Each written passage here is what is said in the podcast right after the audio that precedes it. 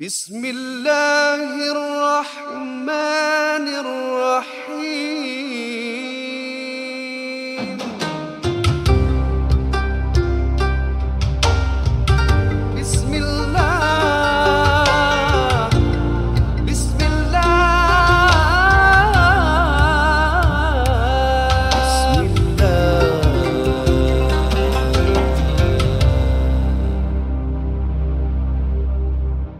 Assalamualaikum warahmatullahi taala wabarakatuh. Apa khabar semua? Saya Kasum binti Muhammad Isa. Uh, Saya dan Ustazah sam- Izzah. Ah ya, Ustazah Izzah. Ah Izzah apa? Kamsani. Hamsani. Ah Alhamsani, ah, Khamsani eh. Ya. Alhamdulillah kita sama-sama hari ini ah, lagi sekali ah, bersama-sama dengan semua ada ramai ni eh, yang nak memperhalusi bacaan ah, bersama ah, kita Alhamdulillah. semua. Ah, jangan halus sangat bacaan sampai kita tak dengar. Eh, kita sebenarnya nak perbaiki, ah, nak share sama-sama. Sebenarnya juga nak merancakkan bacaan Quran dalam apa pun keadaan. Mudah-mudahan kita dapat membantu semua dan juga diri kita semua pada hari ini.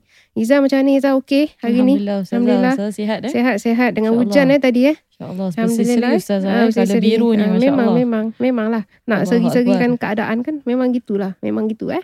Jadi orang-orang lain yang tengah baca ni pun mas- bu- mungkin berseri-seri juga. Masya eh, ah, Keadaan jadi- kat rumah semua. Ah, selalu saya ni yang kena cakap on to the show. Hari ni uh, cakap eh. Boleh? Ah. On to the show Izzah. On to the show. Ah.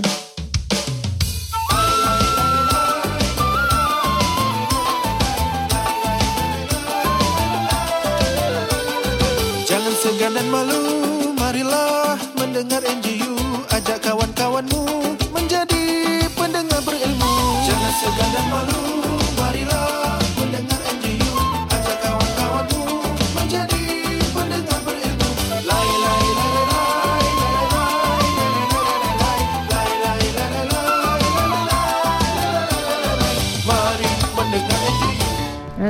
Alhamdulillah, alhamdulillah. Eh, sedap lah itu eh. Kita nanti-nantikan uh, apa tu pembukaan tadi kan? Ya. Eh, ah, ingat kan pembukaan tadi kan? Tak ada tempat lain tau. Ada kat NJU je. eh, ah, dia tu mem- memberi semangat. Masya Allah. Ah, kalau Unik eh? Ah, unik lah kan. Masya kita mesti nak juga ah, sama-sama ah, apa dalam Quran pun kita ada lagu-lagunya kan yang perlu kita pun nak kena jaga. Orang mendengar kasih orang lagi suka lagi. Eh? Ah, kita tak nak membuang masa lagi. Ah, mudah-mudahan kerana kita ramai ni yang nak ah, memperhalusi memperhalusi bacaan. Okay? Ah, yang saya dah cakap tadi jangan halus sangat nanti ah, Ustazah Izzah tak dengar. Ah, saya pun nanti tak dengar. Ah, biar yang okey-okey je lah. Eh? Okay, let's go lah macam tu. Kan? Okay. Ah, macam itulah. Okay, so uh, hari ni sebenarnya apa surah kita nak baca Ustazah? Okey Ustazah Kalsum. Alhamdulillah hari ini surah pilihan kita bersama adalah surah Al-Hujurat ya Ustazah. Ya, betul. Ayat 11 hingga 13. Kalau Betul. you buka Quran you boleh cari surah Al-Hujurat ya. Mm-mm. Uh, ayat yang ke 11 hingga ayat yang ke-13 insya-Allah. Hmm, InsyaAllah. Surah ni dia ada 18 ayat. Hmm. Ha, dan juga surah ini adalah surah ke-49. So kalau nak cari, ha, cari kat sebelah atas tu, ha, surah 49, ha, itulah ha, surah dia. Okay, ha, jadi dia ha, bersebelahan dengan surah Al-Fatah dan antara surah Al-Fatah dengan surah ha, apa Ustazah? Qaf. Al-Qaf. Ha, surah Qaf. Eh? Ya. Ha, jadi begitulah. Ha, jadi macam mana Ustazah boleh kita teruskan dulu Ustazah baca? Okey. Oh, siapa yang kita uh, tengok dulu lah, siapa yang kita nak buat naik ni. Ha. Eh? Ha, jadi dia orang pun boleh dengar sekali. Ha, Ya. Siapa yang siapa kita nak nak naikkan? Ha. Oh. Nanti Ya, saya tangan dia akan lah. bacakan dan kemudian saya beri sedikit penjelasan dan kita- nanti kita- ada sesiapa yang nak baca boleh baca Kita panggil insya-Allah. Wani lah. Wani naik. Rasa-rasa Wani ni pe- peminat setia asyik dengar Wani je ni. Ha, mana Wani? Wani naik tak? Kita tengok eh Wani. Ha, Wani nak, cak- nak nak nak baca tak Wani? Ada, tak ada. Sekejap eh. Ini nak kena panggil-panggil orang. Nanti kita cari. Kita cari Zahidah pula. Ha, tak apa. Ustazah baca dulu lah Ustazah. Okey, Sementara insya-Allah. kita panggil siapa-siapa ni Boleh. Ustazah baca dulu. InsyaAllah. Ha, Saya mana mulakan tahu, dahulu. eh, ha, kita untuk uh, sesi Mungkin yang pertama akan ni. ada yang tengah uh, angkat baju pasal hujan. Hmm. Eh, ada yang tengah cycling masuk bawah jembatan ke apa. Sebut Ah, jembatan ni tak tengah apa, eh. tengah tunggu-tunggu masuk lah ni. Okey, boleh boleh. Ustazah. Teruskan. Auzubillah. Okey, kita akan mulakan dengan membaca surah Al-Hujurat ayat 11. Bagi siapa yang bersama dengan kami, boleh sama-sama buka ya. Uh, sama ada Qurannya ataupun appsnya insyaAllah. A'udhu billahi minasyaitanirrajim. Bismillahirrahmanirrahim. يا ايها الذين امنوا لا يسخر قوم من قوم Ha, kat situ boleh berhenti Ustazah eh. Ya, saya Ah, sengaja berhenti situ ah, sengaja jadi saja. uh, nafas orang tak Betul. berat sangat eh. Betul, betul. Ah, jadi jangan takut nak baca. Saya Hmm. akan cuba Hmm. uh, Patah-patahkan, wakaf, ah, ah, wakafkan, wakafkan dia. Hmm. hentikan di tempat-tempat yang insyaAllah uh, boleh lah. Boleh ya. Yeah. Okay, teruskan. Asa an yakunu khairan minhum wala nisa'um min nisa' hmm. Yang kedua eh. Stop yang kedua eh. Ya. Yeah. عسى أن يكن خيرا منهن.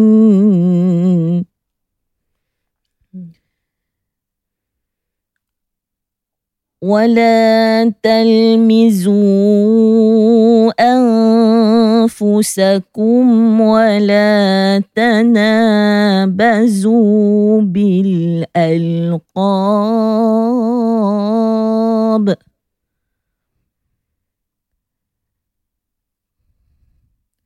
بئس الاسم الفسوق بعد الإيمان.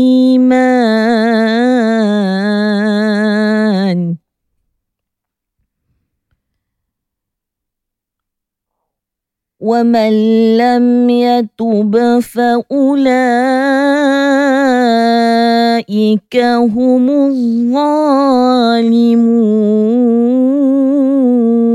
الظالمون Ah, sampai sini dulu. InsyaAllah. The first ayat eh. InsyaAllah. Hmm, first ayat. Uh, saya nak terangkan sikit. Uh, Hmm. Mungkin Ustazah ada apa-apa yang kalau, kalau kita tengok Ustazah eh, tolong tolong terangkan yang gym tu. Ha, kalau orang nampak gym tu nak buat macam mana? Gym kat mana Zah? Ha, dia kalau berhenti kan jaiz wakaf. Oh wakaf. Ah. Okey. Kalau siapa tengok macam contoh eh kalau di dalam al-Quran uh, yang saya punya ni ayat 11 ni uh, para apa ni pendengar dan uh, mereka yang bersama dengan kita pada malam ni kita lihat eh kalau ada macam tempat wakaf tu yang nampak gym. Gym tu maksudnya macam contoh di sini dalam Quran saya takut kadang yang lain mungkin ada lain sikit ya, eh. correct. Bi'salismul fusuqu ba'dal iman. Dia ada jim kat situ. Jim uh, maknanya waqaf jaiz. Harus. Maknanya nak berhenti di situ boleh. Nak sambung pun boleh. Hmm. Contoh kalau you cukup nafas. Bi'salismul fusuqu ba'dal imani wa man lam yatub fa'ulaika humuz zalimun. Boleh. Hmm. Ha, tapi kalau rasa nak semput-semput, Hmm. iman pun boleh eh. Hmm, Dia InsyaAllah. orang bukan nak semput, orang tersemput. ha, tersemput, tak apa. Ha, so dia ada gym satu kat situ. Kalau buku Quran saya, kita dekat Bil Al-Qab pun ada satu. Uh-uh. Okay, ha, maknanya kalau nampak gym tu, ha, bolehlah harus berhenti nak kalau nak berhenti kan Ustazah. Yes. Lepas tu dia ada lagi satu minhun ha, kat situ ada suat lam. Hmm. Okay, ha, so kalau itu. So lam ha, ya uh, dia sebut sebagai uh, bahasanya sili. hmm. Bukan sili yang bodoh tu eh tapi Hmm, bukan, ah, bukan not so silly. ah, not, not so silly. silly. Ni sili eh, Ha. sili. Ah, jadi maksudnya kat situ bagus eh Ustazah kalau Sawasal. sambung. Ah, Ha. bagus kalau kita sambung atau bahasanya wasal. Wasal. Ah, jadi Hmm. kalau kita cukup nafas, elok kita sambung. Ah, ni Hmm. kalau cerita pasal wakaf ibtidak. Wakaf ni maknanya tempat yang kita berhenti. yes. Ibtidak kalau kita nak sambung balik. Hmm. Ah, so bab ni dia pun bergantung pada apa yang ada dalam Quran tu sendiri dan Hmm. nafas kita jugalah main peranan. Mm-mm. Uh, satu ada dalam ayat ni kalau Hmm. you all perasan uh, Hmm. Ustazah kita tengok sama-sama Hmm, eh, dalam mm-mm. Uh, bi'salismu perasan tak kalau tulisan dia sebenarnya bi'sal ismu Hmm. Ah, tetapi di sini ada sesuatu yang kira this is part uh, yang rare dalam Quran yang kita boleh ambil perhatian sikit lah. Hmm. So instead of baca bi'sal ismu ikut Hmm. dia punya baris betul-betul, Hmm. kita baca bi'sa lismu. Perasan tak tadi saya baca bi'sa lismu. Hmm. Habis kenapa jadi gitu kan? Hmm. Ada gini. Di sini ada namanya hukum uh, nakal. Hmm. Bukan nakal Hmm. tapi nakal. Hmm, Macam Ya. sili nakal apa salah eh? Macam ni. Dalam sili nakal Ah, pula. tu bahasa kita Ah, eh. nakal, bahasa nakal. Arab eh. Nakal. Ah, dia bukan kaf nakal eh? Bukan. Hmm, kan. Eh? Kan. Ah, jadi siapa salah dia nak jadi nakal. Kalau Hmm. betul dia jadi nakal. Hmm. Ah, okay. Okay, Betul. Liam eh. Joke saya. Okay. Ah, jadi bi'salismu di sini macam mana nakal? Nakal ni maknanya pindahkan. Hmm. Apa yang pindah?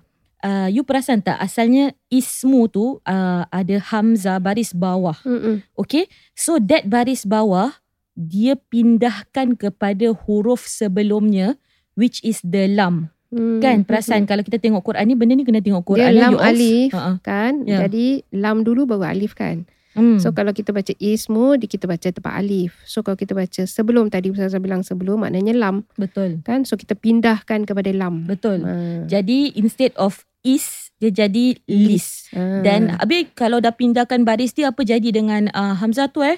Hmm. Uh, dia di deleted lah atau dibuang bacaannya. hmm. Ah, jadi sebab tu bacaannya jadi bisa lismu. hmm. baca ah. balik sikit lagi. Jadi uh, nanti kita Bi- nak naikkan termizi. Ah, okay. Bi'sal, bi'sah. bisa lismu. Mu. Dengar eh?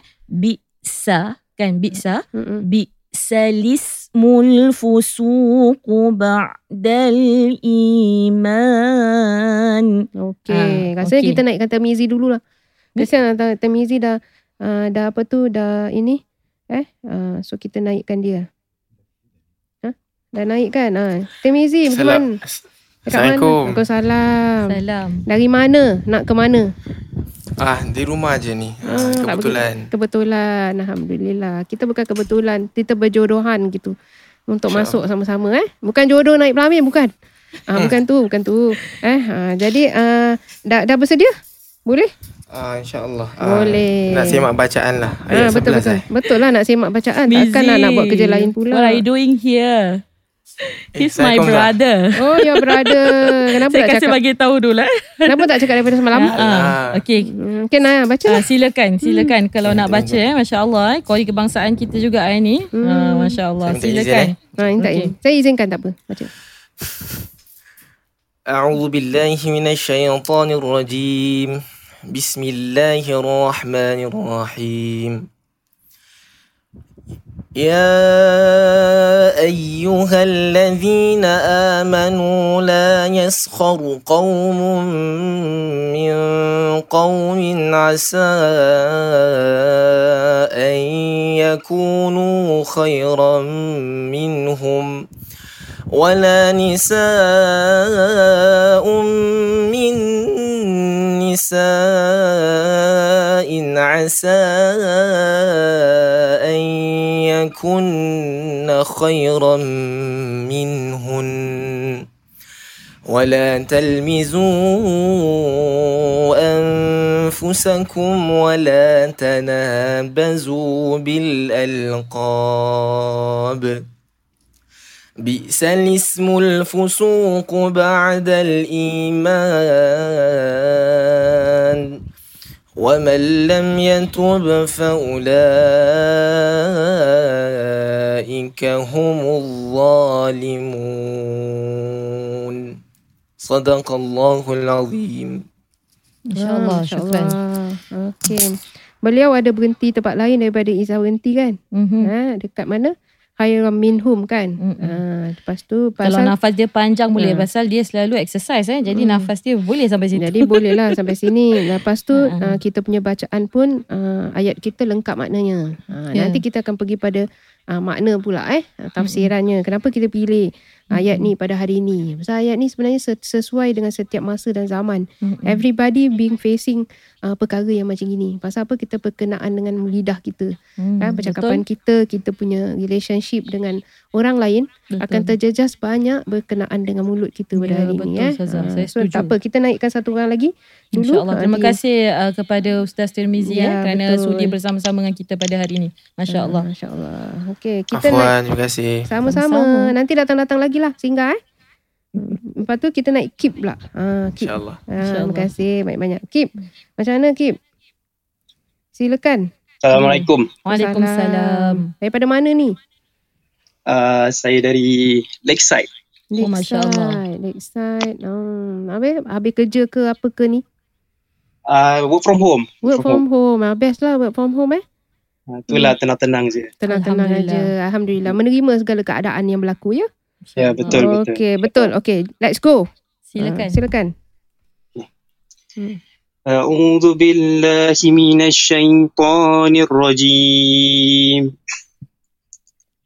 يا أيها الذين آمنوا لا يسخر قوم من قوم عسى أن يكونوا Uh, Kip, apa ni qaw tu kasih tebal ya huruf qaf eh. Uh, dia qaw. Okey, okey, baik. Ah, ah. يا أيها الذين آمنوا لا يسخر قوم من قوم عسى أن يكونوا teruskan. عسى أن يكونوا خيرا منهم ولا نساء Wala nisa min nisa berapa panjang dia tu kalau nisa tu uh, Kip? Selalu kalau Kip Nisa, baca ah, berapa? dalam tiga empat arkat. Ah, dia kalau baca selalu empat atau lima ya. Ah, Empat nisa. lima, ya. Tapi kalau tadi kan you berhenti dekat mana? Nisa yang kedua kan?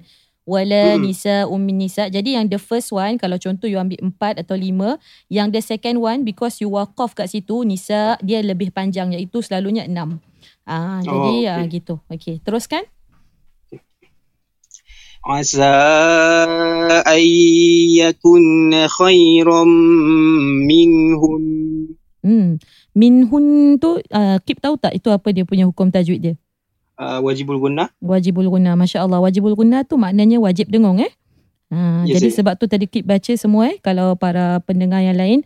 Minhun ada dengung di situ. Ha, jadi uh, dengung ni dia kehidungan dan dia dua harokat. Panjangnya sebanyak dua harokat. Teruskan Kip. ولا تلمزوا أنفسكم ولا تنابزوا بالألقاب Okey, di hujung tu alqab. Uh, itu hukum apa tu? Siapa? Uh, Kip boleh? ما أريد لسكون Uh, ya ma'arid li sukun dari sudut panjangnya iaitu boleh baca dua, empat atau enam betul. Tapi ba tu sendiri al-qab ada Ah, qalqalah. Ah itu uh, apa muslimin muslimat uh, my apa ni our dear friends eh al-qab. Ah jadi dia tak boleh al-qab je. Ah, jadi Kip baca tadi betul al-qab. Ah di situ namanya qalqalah kubra detakan eh. Uh, qalqalah tu b, ah, dia, dia ada bunyi begitu. InsyaAllah. Teruskan بئس الاسم الفسوق بعد الإيمان ومن لم يتب فأولئك هم الظالمون Sadaqallahul azim. Sadaqallahul azim. Alhamdulillah. Ah, Terima kasih Kip. Hmm, Kip InsyaAllah. ni uh, background uh, ada belajar kat mana-mana ni? Uh, Belajar dengan bapak lah Belajar dengan Hmm. bapa. Oh, Masya Ah, Allah. bapaknya macam mana ni? Uh, belajar dengan siapa pula? Bapaknya mana beritahu sikit. uh, Hmm. Dia pun dulu ada macam ambil kelas-kelas dekat Ada. Darul Makmur Oh, Ah, okey. kelas-kelas sampingan lah ah, daripada Ah. guru-guru Dia daripada belajar ke Malaysia dia dulu lah. mengajar? Sekarang dia mengajar juga. Ah, Masya Mengajar. Allah. Ustaz mana ni? Boleh beritahu sikit. Uh, sambilan-sambilan je. Dia, dia Sambilan-sambilan. tak ada lah official mana. Uh, Hmm. part-time part-time je. Tak, Tak apa. Kirim salam. Official salam. mana pun mantap. Ah, Masya kirim Allah. salam ustaznya dan keep barakah. teruskan eh. Yes, teruskan terus. belajar lagi. Terima kasih. Ah, sama. Terima kasih. Sama, Ustazah, sama. kita nak dengar Ustazah Oh, terangkan saya, tentang eh, tafsirannya. terangkan, eh, pula, eh. Tak sabar nak dengar, Masya. Allah. Memang betul. Saya pun tak sabar ni nak cakap. Terima kasih. Eh, ah, di sebelah ni ayat kita yang tadi kita baca daripada ayat 11 eh. Ah, Hmm. iaitu wahai orang-orang beriman janganlah satu kaum mengolok-ngolok kaum yang lain. Ha, okay. Ha, boleh jadi mereka yang diperolok-olokkan itu lebih baik dari mereka yang yang diperolok-olokkan tadilah. Banyak kan orang buat macam itu kan. Hmm. Eh, ha, kita mengolok-olokkan orang, kita buat fun pada orang eh. Tak kena batang hidung kita kadang-kadang eh. Kita sedap aja kita kita beri pada orang eh. Kemudian dan jangan pula perempuan-perempuan mengolok-olokkan perempuan-perempuan lain. So it's happen lah uh, baru recently kan. Uh, sampai kadang-kadang kita bercakap tu kita tak tak objektif eh. Uh, sometimes kita be, be objektif lah. Kita tak, tak nak sentuh kepribadian orang, mak bapak orang pun kita bring uh, uh, dalam picture yang kita nak uh, kita nak bincang. Kita jangan lah eh. Be very objektif dengan apa yang kita nak sebut. Kerana uh, ti, uh, orang-orang akan rasa uh, tertekan lah. Uh, disebabkan itu kadang-kadang eh Izzah. Ya, Uh, banyak kena asatiza ke apa ke ataupun banyak penceramah pun kadang-kadang dia tak mau bercakap dekat luar Hmm. kerana uh, hentaman-hentaman yang seperti inilah eh uh, they they they prefer to keep low lah Hmm. kan uh, jadi bukan mereka tak nak tapi kadang-kadang kita yang menjadikan orang jadi macam itu eh Ya, kita yang membuatkan orang tersepit kadang-kadang eh? betul. so perempuan perempuan ni jangan memperolok-olokkan perempuan lain lah Hmm. eh? Kerana kita rasa apa? Kerana apa sebab kita memperolokkan orang? Kerana kita akan merasa kita lebih baik daripada perempuan yang kita cakap tadi. Hmm. Ah itu itu disebutkan tu. Eh? Asa apa tadi? Lah. Ah khairam minhun. Ah seolah-olah kita lebih baik daripada orang Hmm. ataupun orang orang satu kumpulan lebih baik daripada kumpulan yang lain, satu bangsa lebih baik daripada bangsa yang lain.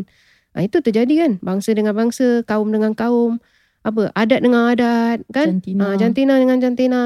Ah, jangan seperti itu. Bu- Seburuk-buruk panggilan adalah panggilan yang buruk adalah fasik setelah beriman. Ah, ini pun banyak orang panggil satu sama lain. Ah, kafir lah, fasik lah, syirik lah, munafik lah. Eh, macam-macam. Kan? Ah, jadi kemudian dan barang siapa tidak bertaubat, maka mereka itulah orang-orang yang zalim.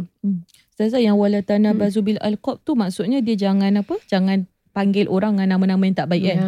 Macam orang tu gemuk, kau panggil dia gemuk macam Hmm, gitu kan. Tapi macam, uh, uh, zaman macam, Nabi dia panggil gelaran Hmm. tapi gelaran yang baik ah, kan. Betul. So Ah, gelaran biar yang baik Ah, lah eh. Seperti apa? Uh, Hmm. Kemirah-mirahan. Siapa Ah, tu? Sayyidatina Aisyah. eh. Uh, Sina Aisyah kan Hmm, Kemirah-mirahan. Kalau suami panggil isteri macam itu ah kembang dia orang. Hmm. Kembang semangkuk kata orang. Ha? Okey. Ah, bersinar je. Seolah-olah macam bukan dapat apa tu uh, bunga tangan tau. Hmm. Bukan macam bunga tangan. Kita dapat macam bunga bunga besar tu macam bunga orang uh, apa Cina meninggal tu. Uh, itu saya Cina mati lah kita meninggal besar gitu kan.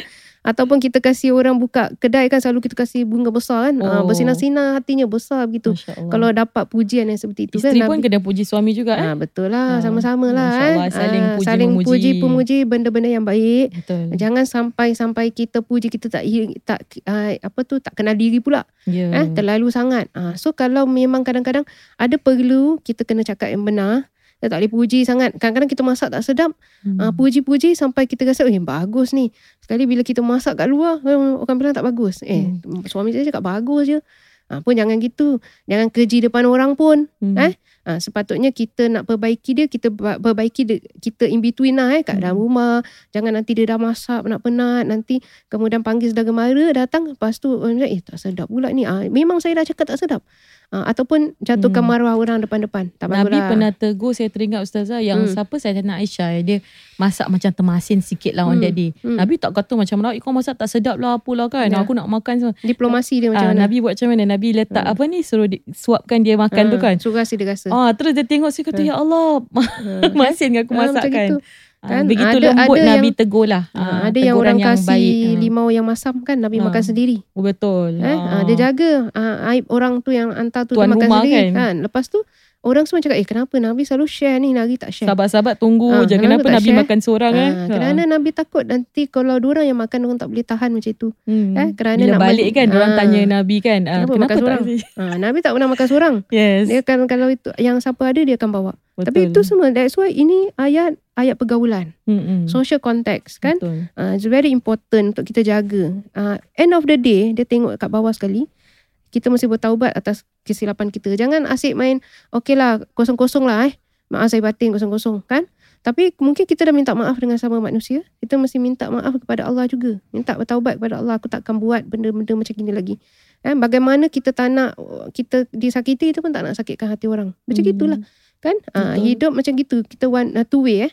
Ha, kan? Kita nak bagaimana orang treat kita, kita kena treat people the same way. Kan? Ha. Kita dosa dengan Allah, kita taubat minta ampun pada Allah. Lepas tu dengan manusia kita kena minta Hmm. Ya. maaf dengan orang. Kadang-kadang kita Ah, dah minta maaf betul. sama kita tapi kita lupa. Kita Kena langgar perintah Allah tu Hmm, kan. betul. Ha, jadi dengan Allah pun kita mesti bertaubat. Betul.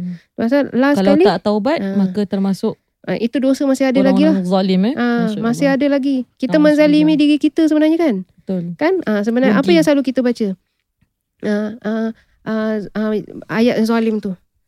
Minta Allah tu ampun, eh. tidak tidak zalim tapi yang menzalimi diri adalah kita sendiri kan. Oh. Ha, kan? Ha, selalu Ya, kita ya. cakap kita menzalimi diri kita bukan Allah Mhm. yang menzalimi kita tapi kita yang menzalimi diri kita. Ya.